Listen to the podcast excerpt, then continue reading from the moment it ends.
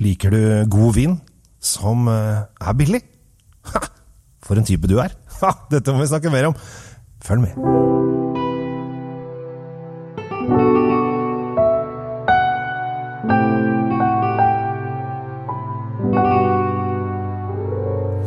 Hjertelig velkommen til Kjells vinkjeller. I dag så skal jeg snakke om en eh, vin som er eh, billig, men god. Og det er jo det vi nordmenn liker. Vi elsker jo at ting skal være billig. Og så syns vi det av og til er greit at det også er godt. Det er rart, det der. Men eh, av og til så føler jeg at det viktigste er at det er billig. Eh, Men det, vi skal ikke ta den debatten nå. Eh, Men tenk litt på det. Jeg tror dere er litt enige med meg på det. I hvert fall så føler jeg at andre gjør det, og aldri seg selv. Nei, aldri seg selv. Vi skal til Frankrike. Vi skal til Louis Max Climat Pinot Noir Les Terres Freudes. Ja, det var et langt navn. Eh, Dette er en Pinot Noir fra Frankrike som er et ordentlig kupp. Dette er en kjempedeilig Pinot Noir med fruktig og syrlig og leskende og deilig, og eh, er litt sånn tørr i, tørr i munnen, så at du, du kjenner at du, du drikker rødvin. Eh, og så tror jeg den passer veldig bra til pasta. Kanskje det er pastavin, det har jeg egentlig ikke tenkt over. Jeg tenker på det nå, det er pastavin.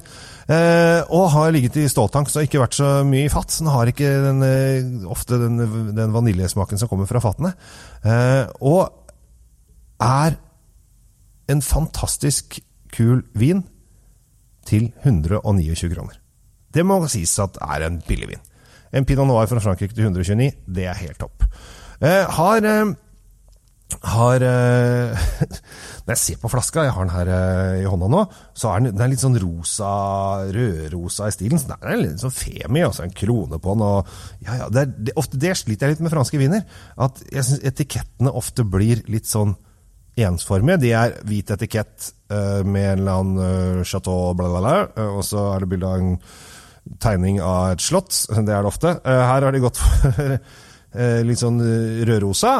Lakserosa, vil jeg kanskje si. Kanskje det er bedre. Kanskje det gjør at franskmennene kaster seg over den i hyllene. Hvem vet.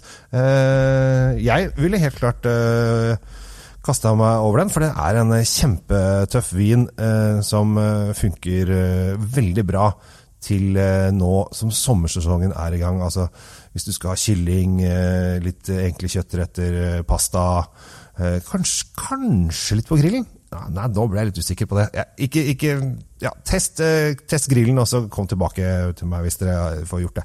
Men uansett, eh, har, har en veldig fin eh, sødmepreg, og kanskje, når jeg lukter på den, så lurer jeg på om kanskje det er litt sånn jordbærsyltetøy langt, sånn langt, langt, langt baki der. Jeg vet ikke.